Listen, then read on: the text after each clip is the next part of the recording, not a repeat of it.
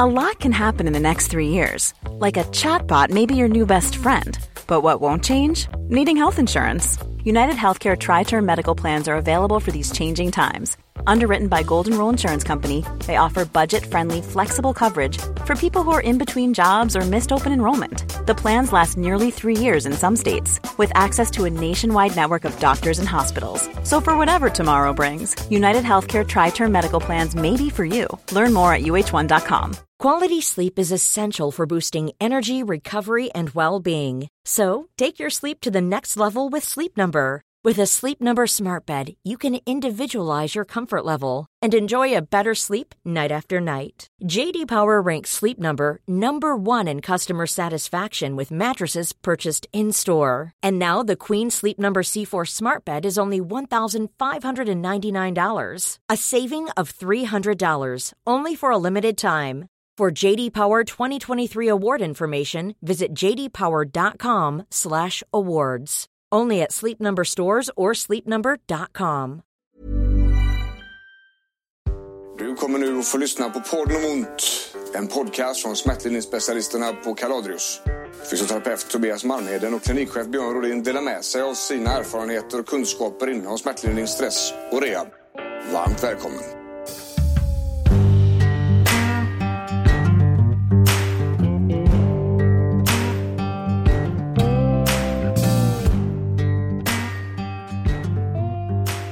Jo, visst. Ja, Flyger vi eller? eh, det gör vi alltid. Ja, ja, visst. På ett eller annat sätt. Ja, podden om ont tillbaks från orten i Göteborg. Äntligen. Äntligen dags igen. Det här är ju så jävla roligt. Det, igår så slog vi faktiskt över 70 000 lyssnare sen 24 oktober. Och vi tror att det är bra. Ja. Vi har väldigt roligt i alla fall. Ja. Eh, och vi hör väldigt mycket gott om, inte om folk som lyssnar. Det hör vi gott också men vi hör gott ifrån folk som lyssnar. Väldigt många som kommer fram och pratar. Ja. Eh, Både det var klienter och på nätet och även folk på stan. Och det är skitkul och vi gillar det. Ja. Vi tycker om det. Vi, vi vill gärna höra eh, om ni gillar det eller vad ni inte gillar. Så, där, så kom gärna fram liksom. Det är lika kul varje gång. Ja, ja, ja.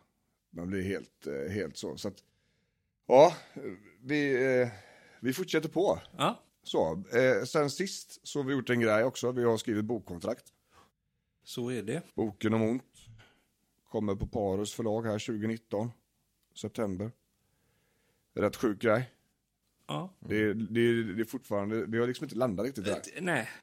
Lite Det är surrealism. Det är som en Dalí-tavla alltihopa.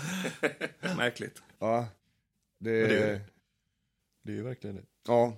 Men idag så ska vi inte köta mer om det. Idag ska vi prata om rehab. Äntligen. Äntligen ja.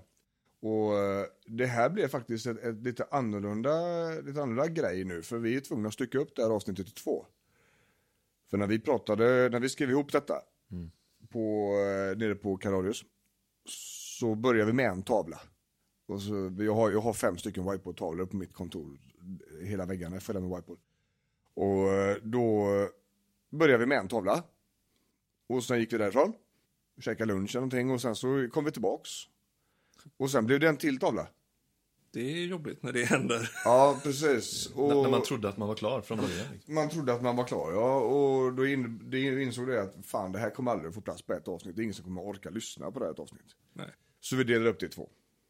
Så dagens avsnitt kommer att handla om rehab utan operation.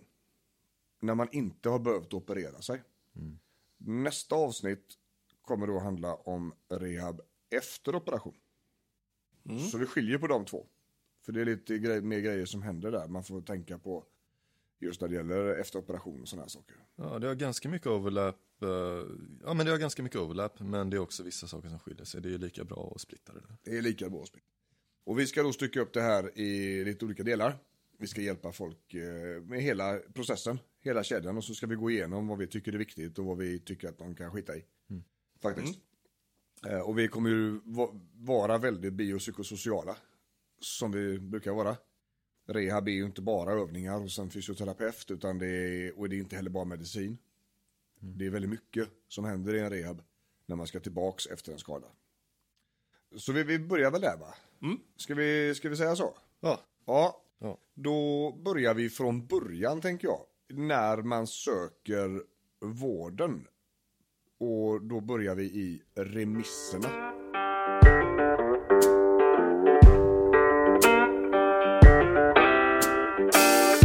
När vi ska söka vård, då går vi till en vårdcentral först och främst. Och där behöver man faktiskt ingen remiss. Du kan gå, ja, såklart kan du gå till en läkare och då behöver du ingen remiss. Men sedan ganska många år tillbaka nu så behöver du ingen remiss eh, för att komma till en fysioterapeut heller. Vilket är, vilket är bra att veta för några lever fortfarande kvar i den tanken. Att jag måste gå till en läkare först och så är det inte. Och när vi pratar om eh, rehab så pratar vi om, om rehabilitering utav framförallt då rörelseapparaten. Alltså kroppen, scener, leder, sådana här grejer. Och då är fysioterapeuten ett jävligt bra första steg. Som vi känner så är det ju det första steget man går till. För att en fysioterapeut har tre år på heltid på universitetet enkom med rörelseapparaten. Det har inte läkaren. Det har de inte, nej. Nej. Eh, och då, då pratar vi lite grann rätt person på rätt plats. Ja, för det finns ju, det finns ju ett grepp inom, eh, inom akutvården som kallas för triage. Och det är när man väljer vad som ska göras först och vem som behöver vård snabbast och sådär. Men det har ju gjorts grejer med primärvårdstriage nu också.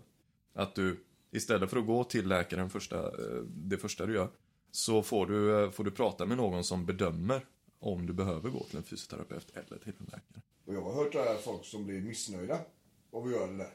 Mm. Om du vill träffa läkaren? Ja, nej, fast du har gjort rätt nu. Din vårdcentral är skitbra. Det är precis så här du ska göra. Om man är ju bara sjukgymnast. Nej, nej, tvärtom. Alltså det är, det är den personen du vill träffa. Och det är lite grann det det slår ett slag för här nu. Att, att använda fysioterapeuterna som ett första instans. Och ta reda på vad det är som är fel med rörelseapparaten. För att de är sjukt bra på att, ta, på att diagnostisera skador egentligen. Eh, vilka muskler det är som larmar, vilka senor det inte är som gör som de ska, vilken led det är som är bråkig och så vidare. Och så vidare. Eh, Och där, där är det ju tyvärr alltså att fysioterapeuterna kanske inte riktigt har lyckats med sin marknadsföring i det där. Nej, Så att det är väldigt få som vet om detta. vi har inte Ja. behövt. Ja. Nej, Du, Den reklamen gick inte ut. nej det gjorde inte det. Nej. Den Så, nådde inte fram. så vi vill gärna slå ett slag för alla fysioterapeuter här.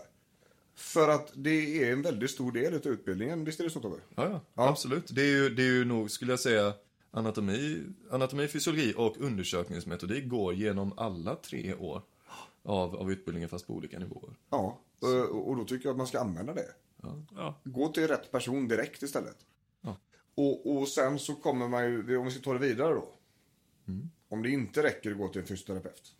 Om den personen tycker att det är någonting annat som borde undersökas eller det finns eh, svar i undersökningarna som kanske inte är helt, helt överensstämmande med exakt bra saker. Då går du ju till en läkare. Precis. Och då går man till Primärvårdsläkare. primärvårdsläkaren. Ja.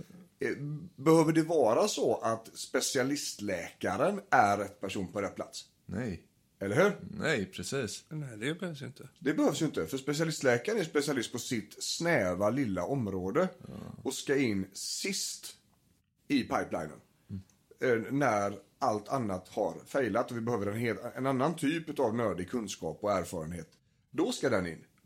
Men i, i, det, det finns ingen, ingen logik i att använda en specialistläkare så tidigt i, i rehabiliteringsprocessen som första besöket eller andra. Nej, nej, nej, nej. Det, blir, det blir fel. Och hade, man, hade man gått den vägen då hade ju de personerna som behövt en specialistläkare inte fått träffa för de hade haft för mycket att göra med snuvor och förkylningar och muskelbristningar. Ja, och det är också det här, det här, för jag vet det, det började i Kalmar detta. Den här eh, studien. Där de började med att ha fysioterapeuter som ett filter för allting som gjorde ont i rörelseapparaten. Och då lyckades de minska belastningen på vårdcentralen jättemånga procent. Så att läkaren fick tid till att göra riktiga läkarsaker och specialisterna fick ännu mer tid till att göra riktiga specialistsaker. Yes. Så tack vare då att man hjälper patienter rätt från början så minskar man belastningen på hela vårdkedjan och det är ju någon alldeles fantastisk grej alltså. Det är, Det är det som behövs. det är det som behövs ja. Så vi pratade ju om, när vi hade det här avsnittet just med vårdpersonal och sådär, så pratade vi om att vården går på knäna och vi vet om det. En del i detta är ju att kunna effektivisera eh, flödet av patienter in.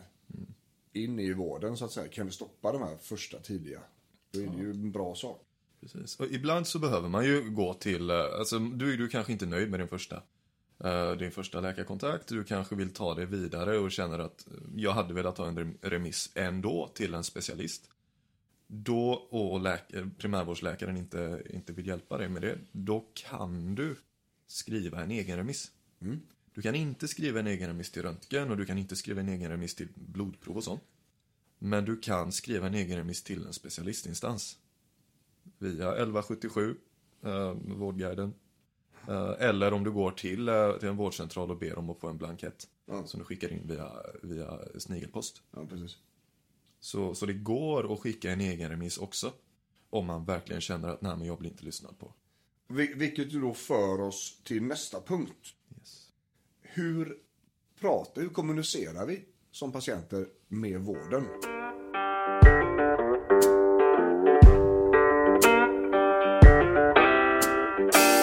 Då har vi delat upp det här i dos och don'ts. Alltså gör och gör inte. Det första vi behöver tänka på det är att försök att hålla dig kortfattad. Du ska inte berätta din livshistoria för den här läkaren som du kommer till. Håll dig till det du vill ha hjälp med just precis nu. Och du måste ju komma förberedd. Så ha gärna anteckningar med dig. Skriv ner vad du, eh, vad du har för problem och vad du har för frågor. Vi har en grej på hemsidan där. Ja. och kaladius.se. Vi har, vi har ju så mycket folk som, som var hos oss, eller som är hos oss, som fortfarande har kontakt med vården och som behöver liksom mer vårdgivning än, än bara rehab enligt den biopsykosociala som vi jobbar med. Sådär, va? Då gjorde vi en anamnes till dem. Så ett papper som man kan skriva ut. Så man går in på kaladius.se och, och söker efter anamnes så kommer det komma upp ett papper med en rad frågor där. Om du bara svarar på de frågorna så har din vårdgivare precis allt han behöver. Därefter så kan man förvänta sig ett par kompletterande frågor. Men bättre underlag än så tycker inte vi att du kan komma med till, till en fysioterapeut till exempel eller till en, till en läkare. Det underlättar extremt mycket. Speciellt om det är stressat och, och mycket, mycket folk i väntrummet där borta. Att, eh, och, och man har kort om tid att försöka lösa ditt problem. Det underlättar enormt. Ja. Så, så där är ju vad vi tycker att man ska göra. Man ska vara förberedda och man ska hålla sig kortfattat. Du ska inte berätta hela livshistorien utan hålla sig till ämnet. Ja. Sen finns det ett par goda grejer som vi absolut inte ska göra. Vi kan börja med att inte tala om för vårdgivaren vad det är du har för något. Vi hade ju eh, en, eh, en kund hos oss en gång som, eh, som berättade att hon gjorde just precis det. Ja. Och, och ogillade läkarna bara för att de inte höll med. Ja, Va? På allvar? ja, ja på riktigt. Ja. Eh, och vi, vi, våra läkarkompisar de säger så här. Förr så fick, var mitt arbete som läkare att eh, hjälpa patienterna till att förstå vad det är de har för något och sätta en diagnos. Idag handlar arbetet om att motbevisa patienten. På att det inte är någon exotisk, ovanlig åkomma eh, som är helt orimlig men de, många av symptomen stämmer in. Google Om du nu är sjukdomar. väldigt... Google-sjukdomarna ja. Google. Ja. Men om, det- ja. ja, men om du nu är väldigt orolig över just en specifik grej. Du har läst på nätet, vilket du inte ska göra, men du har gjort det ändå. Och hittat att okej, men det här känns ju jättemycket som hälsporre. Eller någonting. Då kan du ju fråga om det, såklart. Mm. Okej, du säger att det är detta. Hur kommer det sig? Liksom, ja, det känns lite hälsporreaktigt. Vad tror du om det? En sån gör, går ju bra. Men inte fem. Så att universitet och eh, år av erfarenhet trumfar Google-sökningen helt enkelt. Och så är det. Och eh, det, det, det skapar en irritation och det skapar en frustration och det skapar onödig tidskonsumtion eh, att försöka motbevisa en patient. Sådär va. Eh, och vi ska heller inte köra den gode. Och så hade jag bara en grej till. Nej. Kan du bara kolla på den här grejen? Nej. Och, och man kan ju tro att det är, är rimligt att man ska kunna göra det när man sitter med läkaren. va? Men de är väldigt hårt uppbokade. De har avsatt 6,5 minuter för dig i ditt besök. För de visste vad det var du hade. För det har sköterskan vid bokningen frågat. Ja. De har väldigt kort tid. Det finns nästan aldrig luckor för jag hade bara den här grejen också. Speciellt om du kommer med en axel och sen frågar du om knät. Ja, du kanske till och med har fått någon som är riktigt jävla grym på axlar. men som inte jobbar speciellt mycket med knän. Nej. Så, så är det liksom. Så, så de här två, när vi kommunicerar med vården, tycker vi är väldigt viktiga. Så att var förberedd, håll dig kort, håll dig till ämnet och, och an, ha med dig anteckningar om ditt, ditt besvär som du söker för. Och lägg inte ord i mun på läkaren. Frå, försök inte att landa där det första ni gör med att förklara vad det är du har för något. För det vet nog inte du. Det kan hända att du stämmer. För att Google och internet är en bra informationskälla och är man vaken så kan man säkert sätta en diagnos själv också. Men det finns så mycket mer bakom det där. Det finns en frågeställning som man kanske inte vet och det är väldigt mycket mer grejer. Och ta inte bara en grej till. Och är det så att då, då får man i så fall boka det. Ja, jag har axeln och sen så vill jag att han kollar på ett födelsemärke jag har på ryggen som jag tycker är lite obekvämt. Så han vet om det så han kan avsätta tid för detta eller hon. Ja. Nu blir det reklam! Vill du komma i kontakt med Kaladius för en effektiv rehab och smärtlindring? Fyll i kontaktformuläret på www.kaladius.se så ringer vi upp dig. Men eh, Tobbe, om vi, om vi då är missnöjda nu. Hur fan gör vi då? Ja, är vi missnöjda med, eh, ja, med besöket? Är vi, eh, fick vi inte förtroende för läkaren till exempel? Eller om vi, eh, ja, om vi på något annat sätt inte tror på processen? Ja, om vi inte tror på vägen fram som läkaren. Och, och då menar vi att man inte riktigt är med på tåget så att säga. Precis. Det vi, det vi vill verkligen markera nu, det är att det handlar inte om att du som patient inte håller med om diagnosen. Att läkaren säger en sak och du har googlat fram en annan. Det är inte det det handlar om. Utan du måste köpa läkarens utlåtande.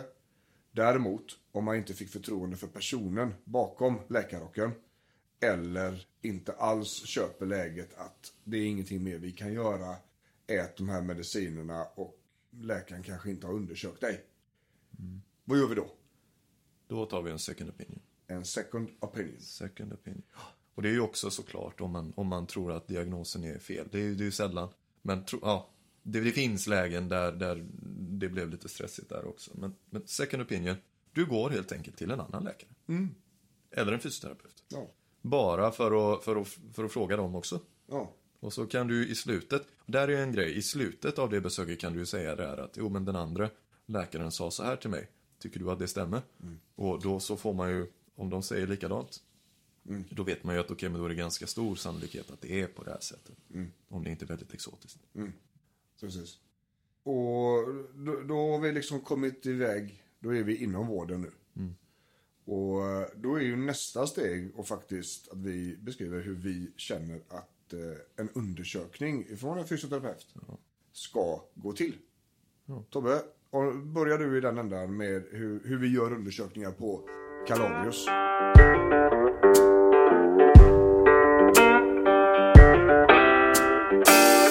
Undersökning på Kaladris, det börjar alltid med ett eh, grundligt snack. Det börjar med en anamnes. Nu Frågar hur smärtan känns, var den sitter och symptom och, eh, och tidslinjen som har lett fram till att du, har varit, att du kommer till oss idag. Och det är en ganska stor grej. Det är ju kanske 50% av, av hela eh, vägen till diagnos. Sen då så ska undersökningen bekräfta eller dementera vad misstanken var på anamnesen. Vi har en misstanke när vi, när vi pratar och sen så ska vi undersöka för att ta reda på vad som egentligen då sitter. Och undersökningen den börjar, hos oss så börjar den med att vi tittar på det helt enkelt. Vi, vi ber dig peka var du har ont, frågar hur ont du har just nu. Kollar om du står konstigt eller rör dig på eh, något skumt sätt. Och sen så efter det så, så kör vi en, en koll när vi gör vad vi kallar för aktiva rörelser. Det vill säga du får röra den kroppsdelen som du har ont i. Om du har ont i ryggen till exempel så får du böja dig åt sidorna, böja dig bakåt och böja dig framåt och berätta var någonstans det gör ont, i vilka lägen och i vilka positioner och sådär. Sen efter det så går vi på nervtest. För att innan jag rör i dig så vill jag veta att det inte är någonting med nerven som, som jag inte ska röra. Så nervtest, säkerhetstest eh, gör vi liksom innan, innan jag lägger händerna på. Det är väl också lite olika tester beroende på vilken åkomma man kommer in för va? Ja, det är det. Och hur går de här till? Nervtesterna? Hur gör man? Kan vi beskriva slamptestet för Måns? Ja, precis. Eh, nerv- De är olika beroende på vilken, vilken del av kroppen det är. Okej. Men uh, säg, att du, säg att vi misstänker, det, det strålar ner i benet och vi misstänker att det kan vara en eh, nerv i ryggen, ländryggen som är inblandad. Då sitter du ner och sjunker ihop. Och så sträcker du ut benet så att du har eh, rakt knä och foten vinklad eh, så långt upp mot dig som du kan. Och så eh, tar du sedan hakan försiktigt ner mot bröstet. Så att du har rullat ihop dig så mycket som möjligt med, med överkroppen och nacken. Och sträckt ut benet och upp med foten så mycket som möjligt. Så det här gör att du sätter nerven på spänn. Från nacken hela vägen ut till tån. Okej. Hade vi inte jobbat med huvudet där, hakan mot bröstet, då hade ju nerven fortfarande varit slackad. Ja. Samtidigt som vi hade spänt en massa saker kring höften och ryggen. Så då vet vi då att gör det ont först när vi tar huvudet ner mot ja, bröstet, då var det ingenting där nere i strukturerna specifikt där Nej, som okej. smärta. Alltså, då kan man utesluta ganska mycket genom att göra. Det kan man göra. Ja. Kan man göra. Och, och, och ibland så är det så jävla intressant när vi sitter med anamnesen. För det är så att alla, alla, alla kunder på Kaladius börjar med en konsultation, vare sig man vill eller inte. För att vi ska börja ta en föranamnes så att säga. Eh, och skapa information. Och, så här. och ibland där så beskriver de hur det gör ont på ett speciellt sätt när de sitter på ett speciellt sätt. Så man gör en helt omedvetet nervtest Ah. och så. Och, och det är också därför vi måste veta vad är det som, när gör det ont? Gör det ont i några specifika rörelser eller positioner och så vidare? Ja, det gör ont på det här sättet. Kling, okej, nej men det här, är, det här måste vi kolla. Då antecknar vi ju det, vi som håller konsultationen. Eh, så att de har med sig det. Eh, ju Anders och Tobbe då. Och det som är så häftigt också när man har gjort eh, den här undersökningen, det är ju att, eh, och så säger jag så här, ja men du jag tror att du har äh, facettledsartros. Eller du jag tror att det inte är en nerv. Och så, så är de lite misstänksamma så kanske, jaha okej, fine, ja, eh, så. Jag ska på en röntgen imorgon. Vi, vi, vi får se. Och så kommer de tillbaka och bara, det var precis som du sa, jag förstod inte alls att det, hur du kunde se det utan bara, bara genom att göra de här testerna. Men det är ganska, man kan bli väldigt specifik. Ja. Utan en massa utrustning. Precis, och- och du kommer till nästa punkt där, så det är just de specifika testerna. Precis. Så, Axeltester för axlarna och ryggtester för ryggen och ja, precis. knätester för knäna. Liksom. Ja, Inte ja, tvärtom. Nej, Inte Nej fot- knä, knätester för nacken. Ja, Knätester. nej, det blir konstigt. Ja, det, det finns ju en miljon olika och det gör man lite olika. Men, men det, det, finns, det finns ganska många för att stressa olika leder och strukturer i olika riktningar. Och sådär. Och just när det gäller den stressen så ska vi ta upp det också att det handlar ju om att provocera fram smärtan igen. Vi vill ju återskapa besväret. Smärtprovokationstester är något av de effektivaste testerna man gör. Ja. Och där har vi ju, vi tog ju upp det när det gäller huvudvärken. I huvudvärksavsnittet. Man kunde trycka med en boll bak på ryggen. Från skulderns övre kant, övre inre kant och ner en bit där. Kunde man lägga en boll om det då blev värk i ett frågetecken. Upp över huvudet. Så var, visste vi om att ja, men det är den här muskeln. Då har vi gjort en smärtprovokation. Och Det, det, är ofta, det får man ju veta också, säga också att efter en undersökning så, här så kommer man, kan man ha ont eh, kvällen efter. Lite ondare eller? Ja, lite ondare. Liksom. Och det är helt naturligt. Ja. Och det, det här är någonting vi måste göra för att kunna bekräfta och utesluta. Ja, ja, precis. Men nervtest, passiva rörelser och sen specifika test. Ja. Och så kollar vi även isometriska test för muskeln. Alltså Hålla emot. hålla emot grejer för, för, i olika vinklar för att se, okej, men är det muskelbristning som är problemet? Eller någonting med, med senan eller infästningen. Så. Och om vi är osäkra här då? Är vi osäkra, då, då gör vi ofta en, en provbehandling. Det vill säga, okej, vi, vi tror att det är på det här sättet. Och om det är på det här sättet så bör den här övningen eller grejen, interventionen, eh, minska smärtan lite. Och så gör vi det. Om det då minskade smärtan, då kan vi ju lägga ytterligare en pusselbit där att, ja men troligtvis så är det så. Att, eh, ja, det var det vi trodde. Om vi efter det är osäkra, då kan man, ju, kan man ju väga lite där. Är vi så osäkra att vi inte har någon aning, ja, då är det någon annan som ska ta hand om det. Är vi säkra på att det inte är något farligt och att träning troligtvis kommer göra det bättre, ja, då kan man börja med träning samtidigt som vi skickar en, inte en remiss för det kan inte vi göra, men vi skickar ett utlåtande.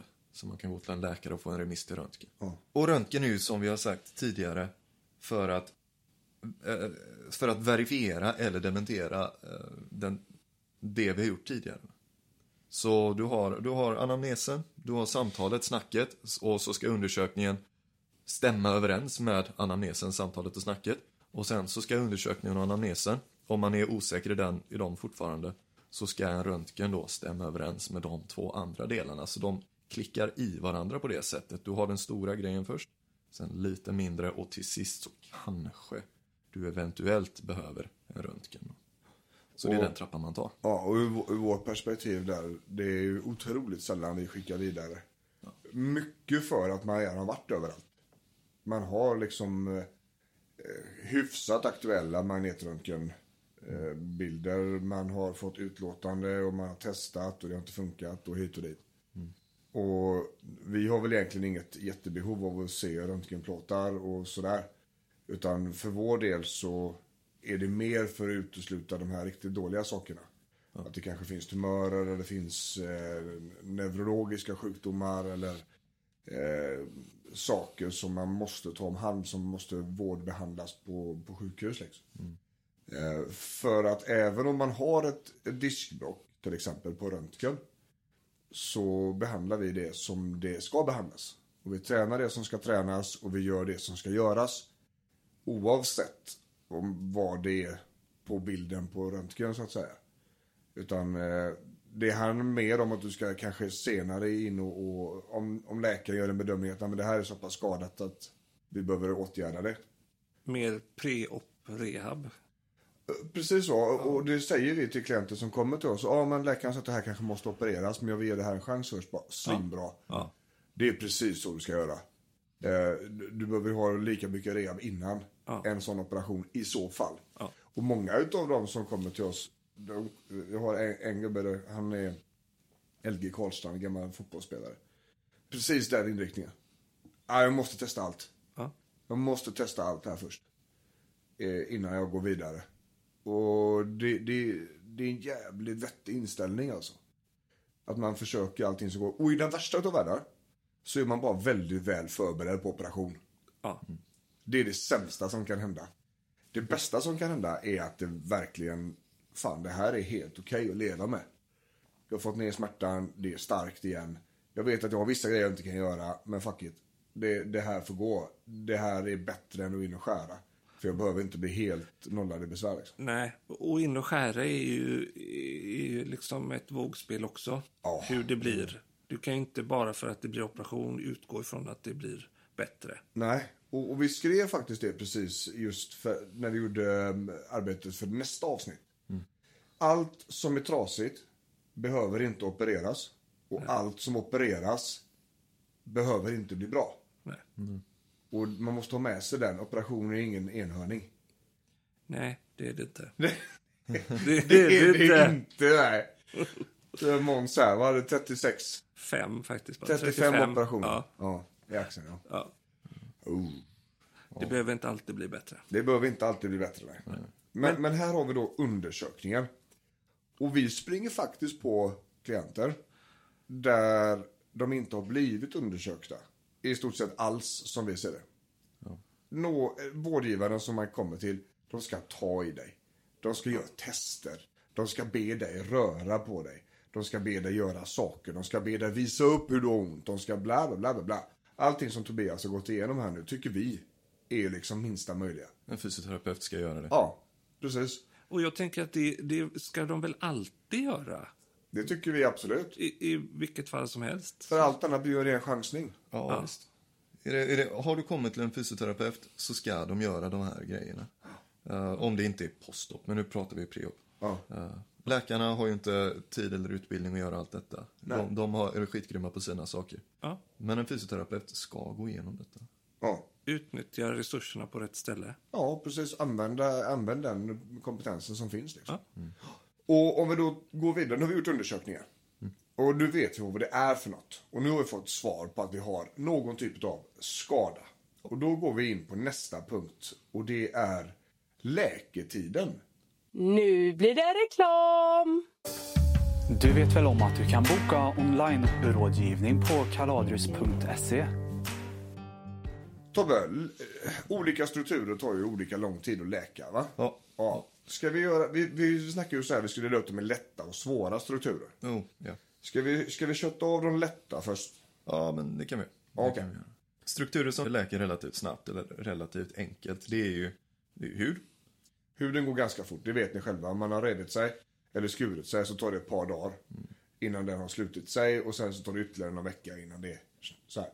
Har man däremot skurit typ operation och gått ner genom alla lager så tar det ju längre tid såklart. Men huden läker fort för att vi ska... Förhållandevis, i förhållande till resten. Ja, precis. Och efter det så kommer ju saker i, i själv, själva musklerna, skulle jag säga. Får du en muskelbristning så tar det inte svinlång tid i alla fall innan den är förhållandevis bra om du gör rätt saker. Vi snackar i alla fall veckor om den är liten. Litteraturen pratar väl generellt sett 68 veckor.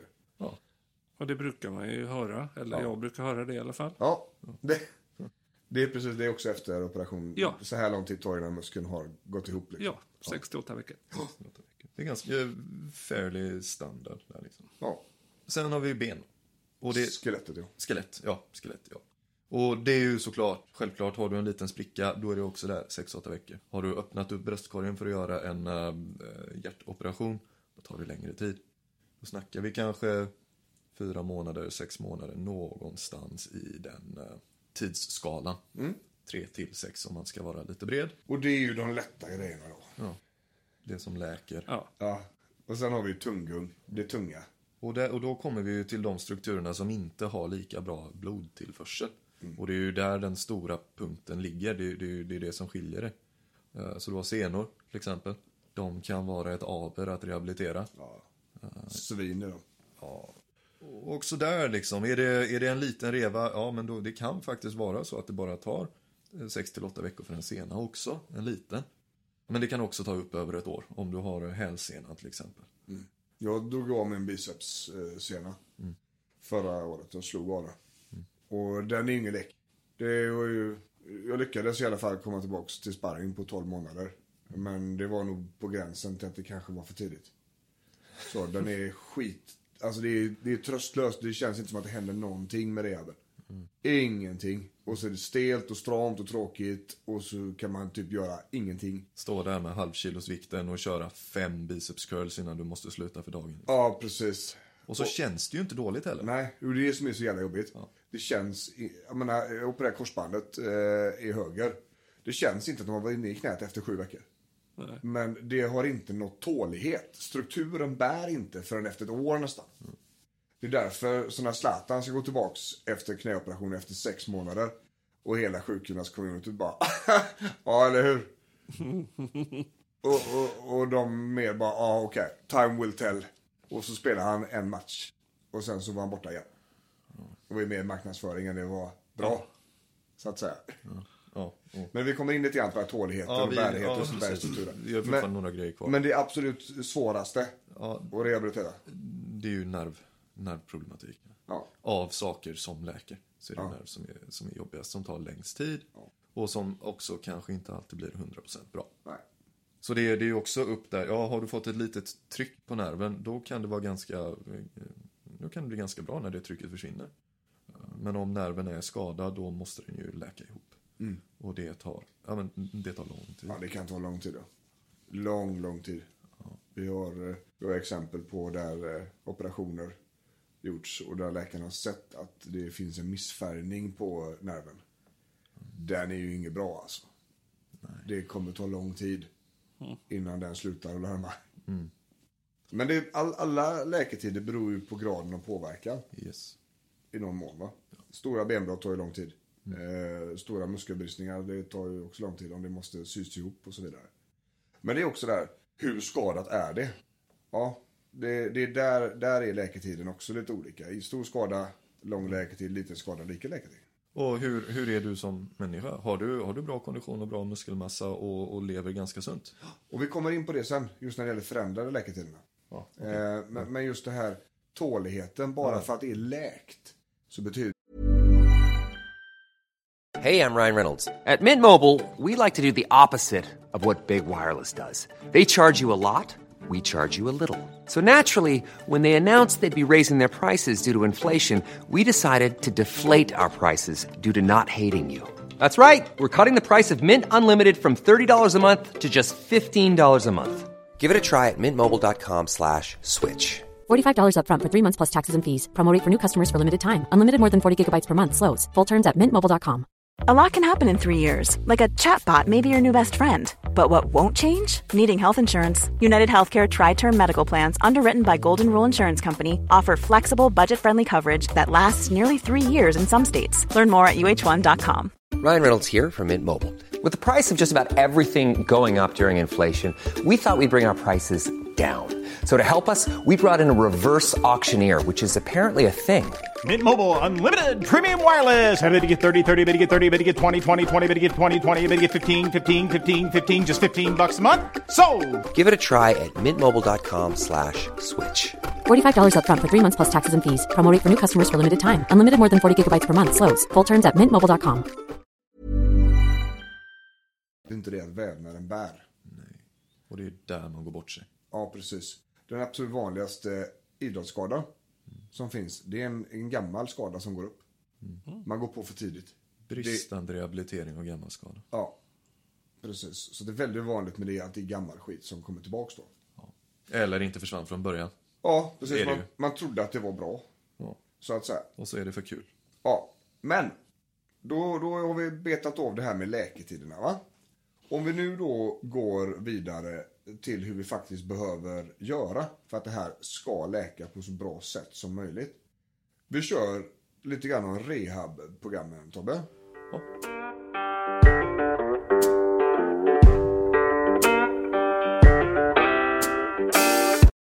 Vi behöver ju lägga oss på rätt nivå för skadan först och främst. Så det är ju olika från skada till skada. Det går inte att säga generellt svepande hela grejen.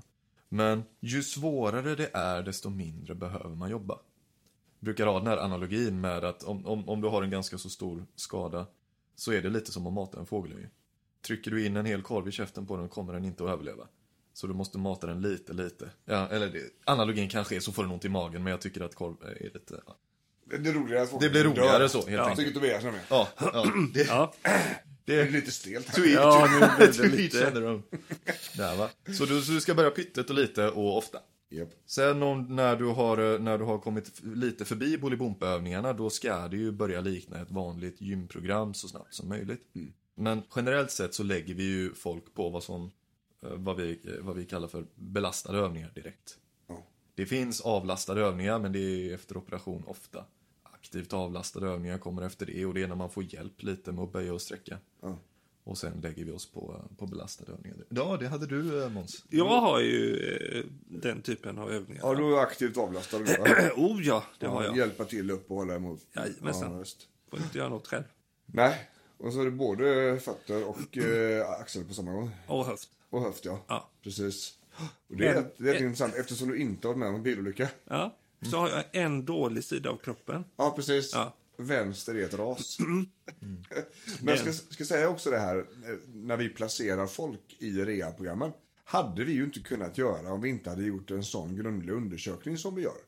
Vilket innebär att om det här inte har skett så kan heller personen som ger programmet inte veta vad som är rätt och lagom. Det blir rätt mycket gissande. Det blir ett jävla tärningskastande och det är tärningar överallt. Därför så måste det göras en undersökning. Och, där, för där, och då, det vet vi for fact. Utan att ha träffat personen som har gett ut programmet utan att göra undersökning så vet vi att den här, det här, man vet inte detta. Varsågod, testa de här, se om du blir bättre. Ja, ringer till mig och ringer dig. Och det funkar inte med det. För det har vi pratat om flera gånger. Den biopsykosociala modellen. Att veta om varför man gör övningarna, när man ska göra dem. Hur lång tid det här förväntas att ta. Kommer jag in med en senskada och tror att jag ska vara bra efter sex veckor så är jag fel ute. Blir rätt missnöjd. Då blir jag missnöjd, ja. Och, och, men om, om jag får veta att men det här är ett år alltså. Det är jättetråkigt att du har råkat ut för det här, men nu är det ett år innan du kan göra det här igen. Så får man förhålla sig till det, men om man inte vet om det och fått den kunskapen så blir det svårt va. Och då sätter det sig i huvudet, vilket sedan så kommer sätta sig socialt. S- Så att vi är inne i den spiralen direkt. Men om vi fortsätter på rehabprogrammet då bra. Ja. Mm, då har vi ju eh, kommit från det här efter operation. Det tar vi ju nästa gång när Anders Ja, här. ja, precis. Och vi har börjat göra, röra på oss. Börjat röra på sig och där, där har vi ju kanske snarare att vi jobbar en, färre övningar.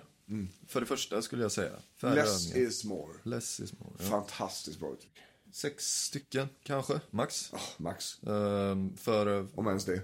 ja, man får kolla lite motivationen hos personen som sitter framför också. Ja. Men är du som folk är mest så tycker du inte rehab är jättekul. Nej. Så då så får du eh, viktiga övningar som du faktiskt gör istället för, eh, för 12 övningar som kanske tar precis absolut allting. Men som inte blir gjort överhuvudtaget. Ja. Så att ju alltså, få övningar som gör rätt saker och som är rätt för dig i rätt intensitet just då. Och mycket hellre att man gör två övningar bra än att man gör tolv skit. Så, så är det ju. Och då får man ju kolla, som Tobbe säger, motivationen. Okej, vart ligger vi nu då? Ja, men jag är jätteovan vid att träna. Jag tycker inte alls det är speciellt skoj. Och hatar rehab. Okej. Då kanske man inte ska få 12 övningar. Nej. Utan det här måste ju bli bra då. För att veta det kunskap och så vidare. Då, va? Ja. Motivation och försöka få dem till att förstå varför de ska göra sådana här. Och så kommer folk till oss. de som kommer till oss är ju, eh, eller en, en majoritet av de som kommer till oss har ju, är, är, är pushande sökare. Så, så de kanske vill ha lite fler. Ja, precis. Och då får man det. Ja, och, och definitivt. Eh, vi börjar ju väldigt tidigt i rehabprogrammet och etablera en generellt bättre fysik hos individen. Så konditionsträning innehåller den nästan alltid på något sätt. Någonting som höjer pulsen och skapar svett i pannan. För att det är så mycket bättre. Och man behöver ha någonting att göra mer än bara de här rehabövningarna. Man behöver känna sig lite duktig. Man behöver känna sig att man är, man är på banan och man håller på att jobba på detta. Liksom. För, för det är just det. Om vi då går ifrån programmet. Eh, vi kommer inte ge några övningar här idag eftersom det är ett generellt program om rehab. Liksom. Men rehab är ju alla avseenden under den biopsykosociala modellen. Nu blir det reklam! Vill du att Björn kommer och föreläser hos dig och ditt företag? Maila till bokning kaladrius.se så hör vi av oss. Vi har ju pratat tidigare om, om BPS.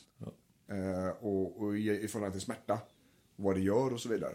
Så vi tänkte vi skulle ta det här och förklara hur den biopsykosociala modellen funkar i rehabiliteringen.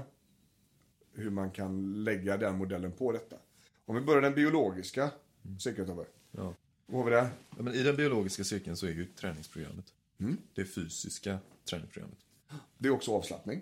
Avslappning, jajamän. Det är medicinerna du ska ta under tiden du gör din träning. Jo, om läkaren har sagt så.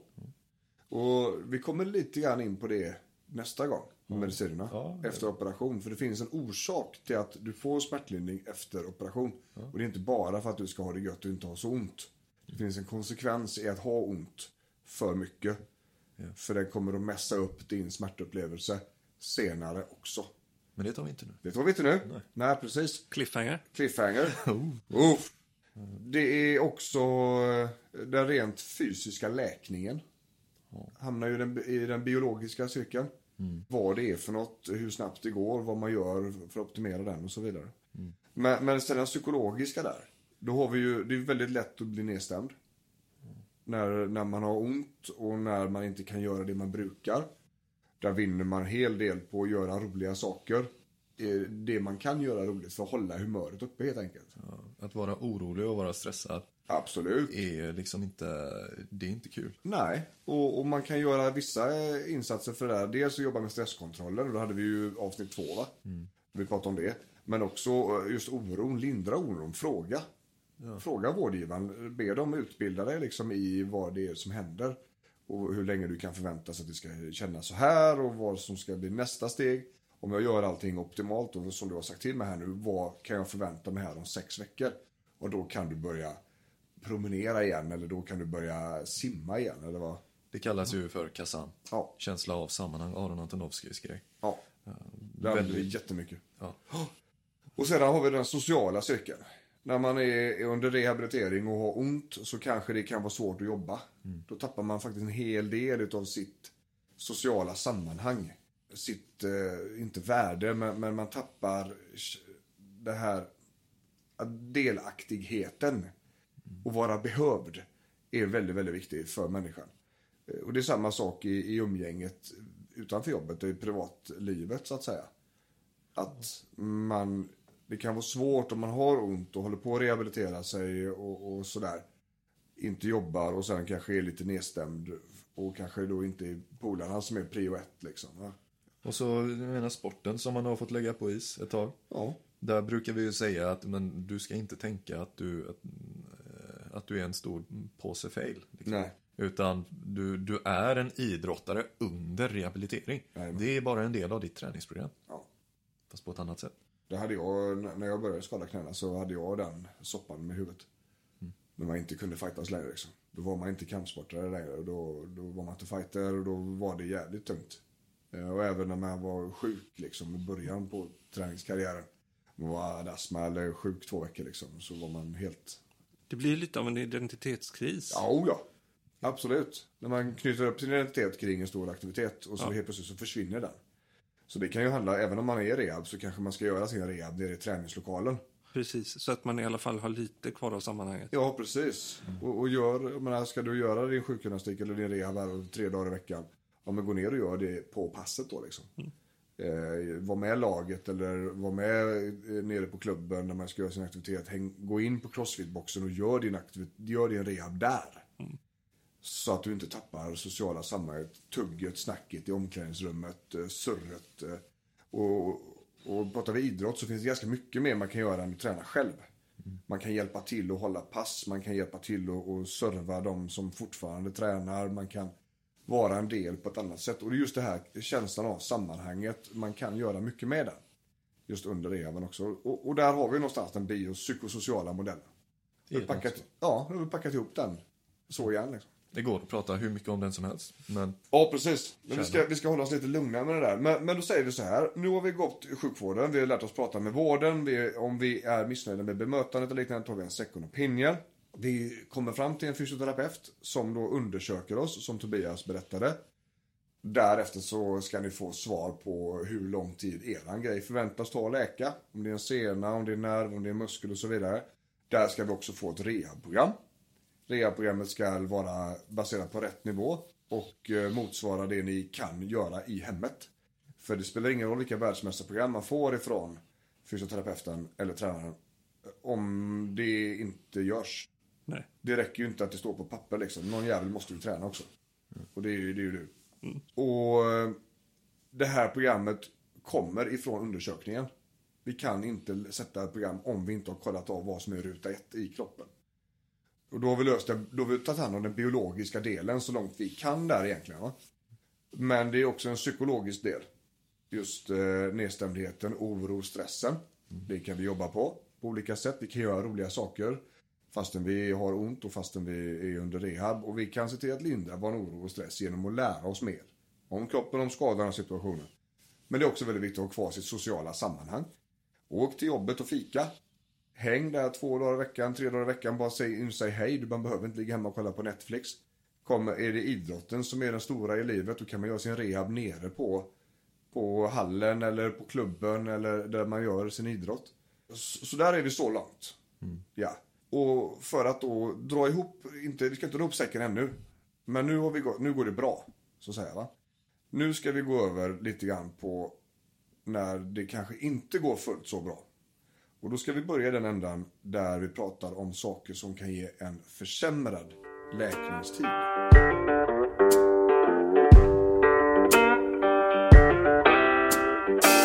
Försämrad läkningstid. Vi har ett par stycken tunga prylar so- som gör att vi faktiskt läker sämre. Ehm, och då har vi sagt den, den största först egentligen. Därefter är det utan inbördes ordning skulle jag säga. Eh, rökning och alkohol. ja, Ja, det gör att man läker sämre, punkt. Rökning är inte en bra grej. Nej, inte för kroppen i alla fall. Så att, eh, och alkohol, allt det här försämrar läkningstiderna. Egentligen. Kroppen beter sig inte riktigt på samma sätt när den har det här i sig. Stress. Stress är en, det kan vara en stor grej för många. Ja, Skapar eh, massa dåliga ringar på vattnet. ja. Så är det. Smärtan stressar ju såklart. Det har vi pratat om innan i det avsnittet. Men, men det är saker som händer med hormoner och liknande som gör att det inte riktigt är överensstämmande med en god läkning. Långvarig stress ska vi säga då. Ja, absolut. Det handlar inte om att hinna i tid till bussen på kryckor. Utan eh, Även om det kan vara jobbigt. det kan vara skitjobbigt alltså. Utan det här är mer den här grottekvarnen. Eh, diabetes faktiskt.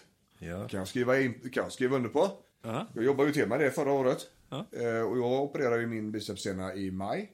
Under rehabiliteringen där, nej, jag går i gips faktiskt. Så tar jag en undersökning på ett privat på blodtagningsföretag. Eh, och får reda på att här är det diabetes, hej vad det går, typ 2. Kommer tillbaks och ska ta bort gipset. Och har tagit bort gipset och får träffa läkaren. Och så sa jag det, ah, men förutom, hur är läget frågade han. Ah, förutom att du fått diabetes så är det kanon. Vad sa du? Hur länge har du haft det? Nej, alltså det vet jag inte, men jag fick beskedet här förra veckan liksom. Tänkte du på? Nej, hade jag vetat om det så hade jag gipsat dig 10 veckor istället för 6. Aha. Stor skillnad på infästningen i sena mot ben. När sockret är högre i blodet. Jätte, och, och vi, diabetiker då, nu har inte jag det problemet, men kan komma få när jag blir äldre. Att eh, perifera blodkärl inte läker på samma sätt. Att eh, sår inte läker på samma sätt. Långt ut i händer och fötter. Långt ut i händer och fötter, ja. Okej. Eh, så det är väldigt stor inverkan på det när blodsockret har skevat ur, så att säga. Det, det blir dåligt även om man har kontroll på blodsockret. Okej. Det är liksom grejer som händer där. Va? Så att, kan vi hålla oss ifrån det så är det kanon. Och då, är det, då vet man ju om det, att det är motion och eh, hyfsat sunda matvanor som det handlar om. Och hålla ner stress. Och du, jag såg att du hade petat in inaktivitet här i mitten. Jajamän. Men jag skulle, näst, jag skulle säga att den ligger, eh, den ligger högst upp i topp också. Det, den kommer nog före än, eh, de, de flesta andra grejer. Men right up there. Ja, så den är inte inbördes ordning. Den är någonstans där i bör- i början. Jag såg en grej när jag föreläste för apoteket i Stockholm. Allt det positiva som händer med kroppen när man rör på sig. Att man liksom får bättre ämnesomsättning, man får bättre syreupptagningsförmåga, eh, eh, man får eh, bättre kon- kondition, alltså koncentrationen ökar sig, det kardiovaskulära förbättras och så vidare. Allt det som händer positivt i kroppen händer precis tvärtom negativt i kroppen när man är still. Okej, man är inte på noll utan det försämras. Det försämras. Alltså, det, om, om du får bra kondition när du rör på dig så får du dålig kondition av att sitta. Om du får bättre ämnesomsättning av att röra på dig så får du sämre av att sitta. Om, du, eh, om hjärnan får en ökad koncentration av att röra på sig så får du en sämre koncentration av att sitta ner. Så ju, bet, ju, mer, ju bättre fysiskt skick du är i, ju bättre kommer det här gå. Men inaktivitet och bara vara still är inte lösningen. Även om det kan kännas så när man har en skada. Det är, så, det är inte bara fysiskt heller, det är mentalt med. Ja, ja. Eh, Lika mycket. Ja. Så det, det är bara skit. Rör på dig så mycket du kan. ja. Eh, och sen har vi då sömnbrist. Stor spelare också. Stor spelare. Eh, om vi inte sover så kommer vi att få en hel rad med negativa effekter. Allt ifrån försämrad läkning till försämrad mental närvaro till eh, att vi är sårbarare för både ska, nya skador eh, och eh, mentala besvär. Liksom. Sen har vi överbelastning. Gå på för tidigt för fort. Ja, Har läkaren sagt att du inte får promenera så ska du inte promenera. inte ens lite. Nej. Nej, inte ens lite. Även om han har sagt att ja, men det här är en bra grej. Utan när operatören eller läkaren släpper restriktionerna, då är det okej. Vi måste utgå från att han kan sin skit, eller hon. Eh, Och vet om vad som, vad som behöver göras och framförallt vad du inte ska göra den första perioden. Och är vi då inte nöjda med vad läkaren har sagt, ta en second opinion, bestäm inte själv. Det är samma sak som att försöka sätta ut mediciner själv. Ja. Bara gör det inte. Nej. Bara ta tag i det med en vårdgivare som du klickar med. Ja. Det är lösningen. Sån liten ansträngning som ger så mycket i resultat. Ja. Det är verkligen så. Det är tålamod, men det är jävligt svårt att ha tålamod om man inte vet hur länge man ska ha tålamod. Ja. Så fråga, kommunicera, prata. Och sen har vi satt då sista här, Enside-preparat. Voltaren, eh, Diklofenac, eh, Antiinflammatoriska läkemedel. antiinflammatoriska läkemedel. Helt enkelt. Okej. Försämrar läkningen, framförallt i senare, det jag läste sist. Alltså, inflammation är ju kroppens sätt att läka. Ja. Du Det- måste, visste du det? Ja, jag visste faktiskt det. Ja, du måste ha en inflammation för att kroppen ska gå ihop. Ja. Det, det är den som gör att vävnaden tillåter att läkande ämnen kommer till skada. Ja. Så finns det ingen inflammation, då, det är det som blåljuspersonal. Ja. Finns det ingen, ingen blåljuspersonal på en Nordics plats så, så kommer det inte hända speciellt mycket. Nej. Tar man då bort blåljuspersonalen bara så, ja då, då ligger ju bara folk är där. Ja. Sen är det för mycket, då kan man behöva ta en antiinflammatorisk kur. Om den är så, så där att den hindrar rörelse eller det blir svullet eller, eller annat. Eller gör ont, väldigt mycket ondare än vad som är rimligt. Ja. Så det är ingen bra grej att ha det som standard. Och det här är saker där man faktiskt kan påverka själv. Ja. Eftersom det här är saker som, ja diabetes är ju svår. Har man den så är det ju svårt va? Ja, du kan ta hand om. Du kan ta hand om det va, så du kan göra så gott det går. Men de andra grejerna här, det kan du faktiskt påverka själv. Ja. Du kan se till att inte röka så mycket och, och dricka så mycket. Du kan se till att försöka stressa ner, jobba på de grejerna. Du kan se till att du rör på dig så inaktiviteten blir mindre. Då kommer sömnbristen eventuellt att kunna förbättras. Men det är också så här att Netflix finns kvar imorgon. Så vi kan försöka att somna. Och vi kan välja medicin som inte är antiinflammatoriska. Om läkaren inte har skrivit ut detta. Precis. Ja. Och vi ska lyda läkarens arbetsorder. Och inte belasta för tidigt för mycket för då kan vi få en överbelastning och då kan vi faktiskt fördröja läketiden ganska rejält. Ja. Och det här är ju saker vi kan göra. Vi kan alltså hjälpa till att optimera läkningen på ett bra sätt. Men om vi inte vet om hur vi gör, hur fan ska det gå till? Det är det jag menar. Det, det, det är ju här va. Men, men då gör vi så här. Då, då har vi gått hela spåret här nu och nu har vi också lärt oss vad jag kan göra själv för att det här är så. Men nu kommer nästa grej här då. Och det, då har vi döpt den punkten till Rehab Gone Bad. Nu blir det reklam! Du vet väl om att du kan boka online-rådgivning på kaladrius.se? Och, och det här är ju då de absolut vanligaste klienterna vi har. Okej. Eh, hade jag fått säga en snittperson som kommer till oss så hade det varit en kvinna. Hon är 40-45 år gammal och rehab gone bad. Okej. Av olika orsaker. Och jag tänker vi ska, vi ska beta igenom det, det vanligaste som vi ser. Och vi ska också presentera lösningar till vad vi gör för att rehab går fel. Det är så. Alla har varit med om den här fysioterapeuten som man träffar. Man går dit två gånger, fick ett program och några övningar. Sen gick man hem, kändes det bättre, slutade man göra övningar. Tog det tre veckor så kom skiten tillbaks. Då kunde man inte med med att gå tillbaks. För då skäms man, för man vet att man har gjort fel. Och så biter man ihop och håller käft och tar två Parolil till och innan man går till jobbet. Och rehaben funkade ju inte ändå. Nej, precis. Precis, Så det kom tillbaks. Det kom tillbaka, ja. precis. Sen att rehaben hade var tanken att det skulle ta tre veckor, utan det kanske skulle ta tolv veckor. tänker man inte på. Tänk, det visste man kanske inte heller. Nej, nej, men Ingen du hade avbröt ju förklarat faktiskt det. också programmet. Så- Ingen hade förklarat det. Nej. Ja, ja, jo, nej. Så kan det vara. Så kan det vara. Men, rehab gone bad. Vi börjar på första plats här då, va? Det är komplikationer. Då har vi en hög smärta i området. Den smärtan borde varit bra nu. Det borde ha lugnat sig avsevärt. Och det är lite olika beroende på vilka tillstånd vi har. Ja, vissa tillstånd har, ju- har ju i sig en väldigt stor smärta. Och, och andra tillstånd ska inte göra speciellt ont alls ganska snabbt. Efter, beha- efter rehab, eller efter skadan. Vi, vi kan ta en sån, nu, nu har vi inga siffror på detta. Men när det gäller diskbrock. Så jag har läst någon siffra, jag kan inte citera källa. Men någonstans runt fem år har den, läker de ut på. Plus minus. Är det någonting du har hört? Inte just det. Nej. Men, men det- diskbråck blir, de läker till slut. Ja. Så kommer det in folk till oss som, som säger att om jag har haft diskbråck i tio år, då vet vi att det är osannolikt så att det är diskbråcket som gör ont. Och det finns ett par stycken olika sådana grejer. Bara, det är nog inte det som gör ont längre, för den bör vara utläkt. Eh, om det kan ha fått nytt, det kan ha gått upp igen, men om det är samma så är det borta. Det är också lätt att se via en undersökning. Gör man eh, nervtesterna man ska göra och de inte visar på positiva resultat, det vill säga att de ger utslag, så är det ju inte det. Nej. Det är enkelt att se. Men men generellt sett kan man säga då om smärtan ökar efter rehabiliteringen eller den inte blir mindre utav rehabiliteringen. Då har vi en komplikation. Så kan man säga. Så är det. Så kan man säga.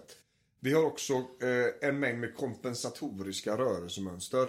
Alltså vi kompenserar. Vi rör oss på sätt. Kroppen rör sig på ett sätt som inte gör ont så mycket. Vilket innebär att den kan gå helt skumt för att det inte ska göra ont. Den anpassar sig ganska bra. Ja, Den gör det. Vi, vi kan se ut som ett S i ryggen till exempel. luta oss på konstiga sätt eller mindre uppenbara saker bara börja gå lite tyngre på ena foten. Precis, eller man sitter lite snett hela tiden och, och till slut så blir det de här, den här kompensationen, den anpassningen som gör att det gör ont.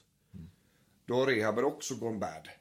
För, för då har de andra strukturerna runt omkring skadeområdet, då har de inte blivit adresserade och omhändertagna. Liksom. Och det spelar ingen roll om man har en svinstor skada. Vi hade, hade en, en kund här för ett tag sedan som hade en total höftrekonstruktion efter en mc-olycka och problem med ryggen samtidigt.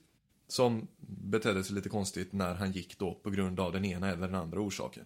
Och sen så har vi kunder som kommer in med en, eh, en muskelbristning i vaden. Och det är det enda de söker för och vill, vill ha hjälp med.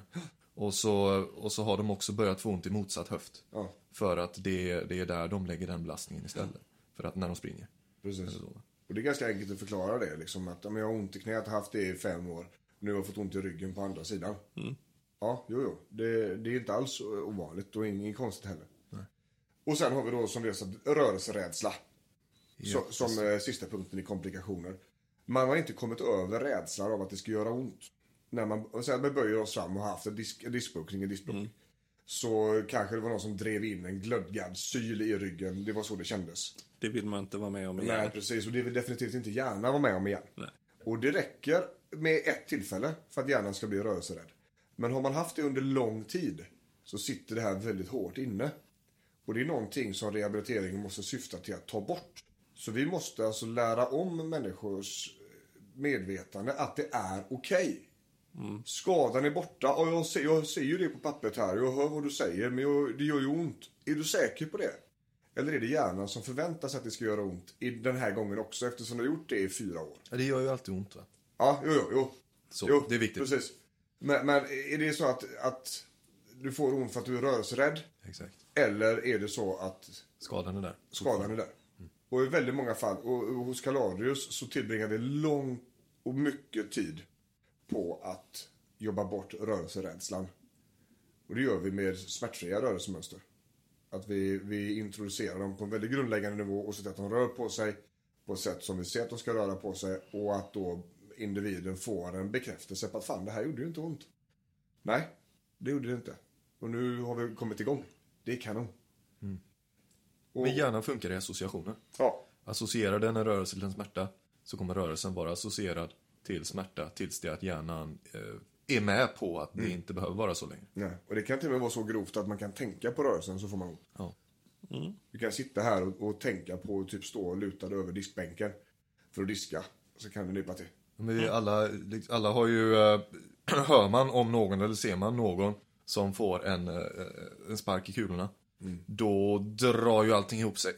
På en själv också. Ja. Och det är ju inte för att eh, man själv var i närheten av att få en sån grej. Nej. Bara det att associationen gjorde att det hände någonting i kroppen. Vi mäter ju rörelserädsla i ett formulär som heter Tampa Scale. Där vi tar reda på hur rörelserädd individen är.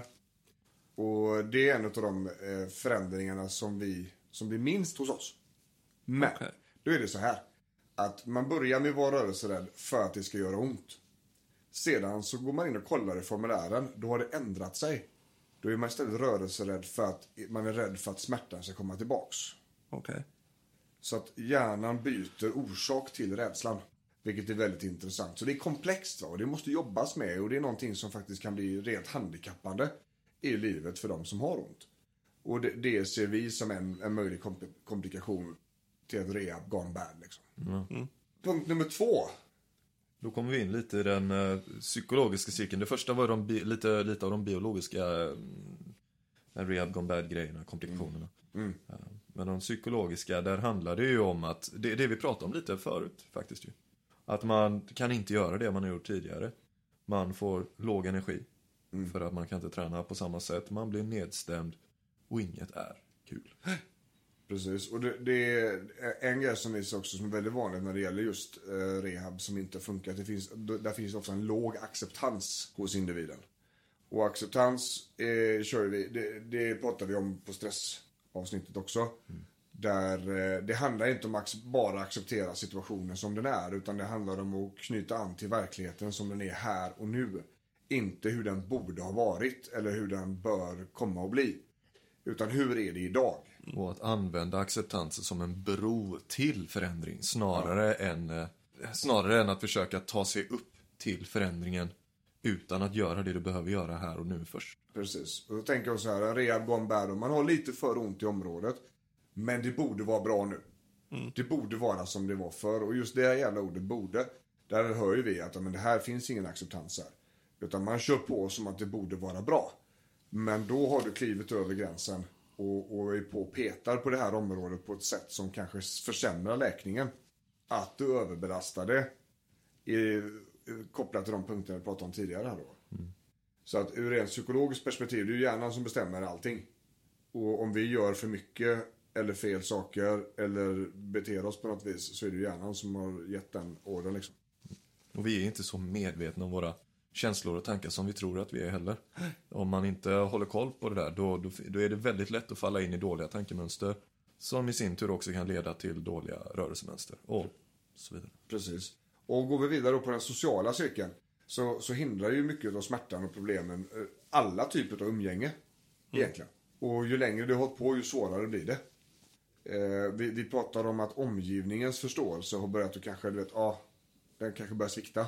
Man kanske alltid har ont, man kanske alltid får äta medicin, man kanske aldrig kan vara med på saker och så vidare. Vi hade ju tre, tre, tre punkter som man där summerar de flesta människors liv när det kommer till omgivning. Ja, precis. Eh, och- jobbet. Jobbet är första, Jobbet är första, ja. Eh, fritiden. det andra och, Och hemmet hemmet. tredje. Det tredje. Och i de här tre punkterna så kan vi då alltid packa in relationer. Ja. Relationer är jävligt svår att hålla bra när man alltid har ont, man är nedstämd, man tycker att allting är röva och det bara rullar på. Ungefär i det här, i det här läget också så kanske Försäkringskassan börjar bråka. För det borde ju vara läkt, det borde vara bra. Tabellerna på kontoret har sagt att det här ska vara i ordning på, på nio veckor. Ja, fast nu är vi på vecka 12 och jag har fortfarande ont så klockorna stannar. De skiter ju i den biopsykosociala modellen högaktningsfullt. Det ska bara vara klart liksom. Det står ju det på pappret. Det står det på pappret, för det är direktiven de har fått uppifrån. Mm. Eh, så de kan inte göra så mycket mer än att gå på dem. Eh, men det här sätter ju oss i en smet som, som blir väldigt svår att lösa. Och det är det här vi jobbar absolut mest med. Måndag till fredag, morgon till kväll. Eh, så är det den här typen av situationer. För vi ligger ofta ganska sent in i vårdkedjan. Man testar allt innan man upptäcker kaladius. Och då vet vi hur det funkar. Nu blir det reklam! Du vet väl om att du kan boka online-rådgivning på kaladrius.se? Om man har hamnat i den här situationen som vi har pratat om, där rehab gone bad. Där man har ont, eh, man börjar röra på sig på konstiga sätt, det börjar bli större problem, man börjar bli nedstämd i huvudet och, och, och så här. Eh, Det börjar bli jobbigt, det sociala börjar ta stryk och så vidare. Då börjar vi helt enkelt om. Vi ska hitta en ny fysioterapeut. Börja adressera skadan.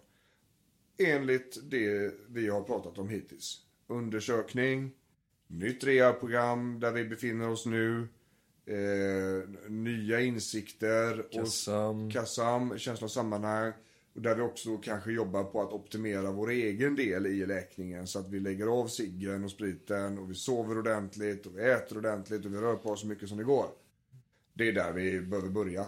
Känner vi nu då att huvudet är den stora prylen, att jag har blivit deppig och, och allting börjar bli jobbigt och kanske börjar få ångest och få svårt att sova. Då är det ju en terapeut vi ska gå till. En, KBT, en bra KBT-psykolog helt enkelt. Tycker vi. För att om den första delen tas om hand, alltså om komplikationerna man jobbar med rehab, och avslappning och övningar och sådär. Så spelar det egentligen ingen roll om huvudet mår dåligt. Det kommer vara väldigt svårt att lyckas med det i alla fall.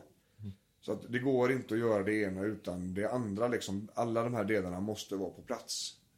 Och då är det viktigt att det är rätt person som gör sitt. Precis. Det, finns, eh, det finns fysioterapeuter som är utbildade i ACT och, och KBT också, vilket är grymt alltså. Och det är antagligen framtidens eh, rehabpersonal. Jag tror det. Yes. Är det så att man, är, man har lika stora delar ko- kognitiv beteendeterapi, acceptance commitment therapy tillsammans med fysioterapin, kunskapen, anatomin, smärtdelen och sådär va? Och så specialisterna som har koll på, eh, på de nischade medicinerna och eh, eventuella remisserna och så vidare. Så är det. Så om vi, om vi då ska dra ihop säcken igen lite snabbt. Så eh, behöver vi ingen remiss för att gå till en fysioterapeut. Om vi har nu ont och ska rehabilitera oss, vilket det här avsnittet handlar om, och att vi inte då behöver kanske operera oss. Så går vi till vården. Vi går till en fysioterapeut. Vi eh, pratar med dem på ett bra sätt. Vi håller oss till en sak. Vi eh, ser till att vara förberedda när vi kommer. Och vi talar inte om för vårdgivaren vad det är vi har när vi kommer, utan vi lyssnar och, och får beskedet utav den personen. Undersökningen ska vara utförlig, noggrann. Eh, för den ligger till grund för rehabprogrammen som vi sen kommer att få. De här programmen gör vi som de säger och det ska utvecklas över tid. De ska bli svårare, det ska bli mer, så det räcker inte med ett program totalt. Utan de här programmen ska utvecklas. Man behöver ha uppföljningar utav detta och, och utveckla dem och göra dem svårare, mer utmanande.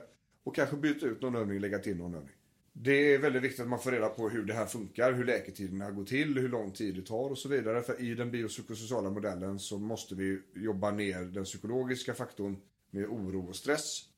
För det är svårt som det är. Samtidigt som vi tar hand om det biologiska i den biologiska cirkeln med övningar, avslappning, eh, eh, aktivitet och så vidare.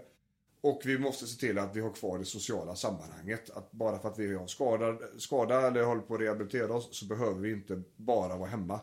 Utan vi kan göra vår rehab nere på klubben, på idrotten. Vi kan åka och fika på jobbet, bara hänga på lunchen. Vara kvar i sammanhanget. Det finns ett antal saker vi kan göra för att försämra vår räkning. Rökning, vi kan stressa, vi kan vara inaktiva, vi kan sova dåligt, vi kan gå på för tidigt. Eh, det här kan vi påverka själv. Diabetes är en sån sjukdom som gör det mer komplicerat att läka ihop. Det är inte så mycket att göra åt det annat än att kontrollera den så gott det går. Och om vi då har haft oturen och försöker göra allt detta eller kanske halkat undan lite grann i rehaben så det har sketit sig. Så har vi rehab gone bad och då brukar vi se de här, det här är de klienterna då ska jag säga som Kaladius jobbar absolut mest med. Då har vi komplikationer med hög smärta i området. Fastän det kanske egentligen borde varit lugnt. Sjukgymnasten och doktorn säger att det borde vara bra nu. Vi har eh, kompensatoriska rörelser, det vill säga vi rör på oss på ett skevt sätt så vi börjar få ont på grund utav det.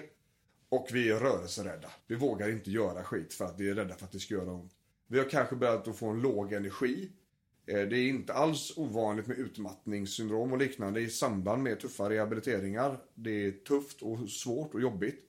Vi kan få låg energi och vi kan också ha en låg acceptans där vi känner att det borde vara bra nu och där vi kör på i alla fall. Vi kommer, kommer sätta oss i skiten. I den sociala cirkeln i Rehab Gone Bad så pratar vi om att smärtan hindrar alla typer av umgänge. Eh, jobbet, fritiden, hemmet. Det blir svårt att hålla, i, hålla ihop relationer. Ungefär där någonstans så, så känner vi också att där börjar myndigheterna kanske också undra vad det är som händer. Varför är det inte bra redan? Det borde varit bra för det sa våra tabeller. Bevisa att du, att du inte är frisk. Och för lösningarna då så har vi två punkter egentligen. Det är att vi börjar om med rehaben. Vi kan, och, och, då måste vi ny undersökning och se vart vi står någonstans. Vi får nya program, får nya känslor och sammanhang, ny kunskap och faktiskt göra om det. Helt enkelt. Är det så att huvudet har tagit den största smällen så bör vi träffa en, en psykolog, en terapeut. Det är inget farligt, det är världens bästa grej. Så utvecklande och så härligt när det funkar i huvudet. Där är rehab, utan ja. operation. Det var bara det. Det var bara det. Det var bara det, ja. Kaladius.se går man in om man vill kontakta oss. Eh, podden om ont at kaladius.se är mejladressen. Det är bara att mejla och prata med oss och sådär. Mm. I annat fall så ifrån förorten i Göteborg, Björn. Tobias. Måns. Säger vi hej. hej.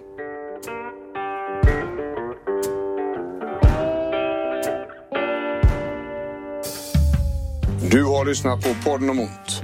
En podcast om smärtlindring, smärta och stress från Kaladrius med Björn Rodin och Tobias Malmheden. Podcasten produceras av Måns Asplund och ansvarig utgivare är Björn Rodin.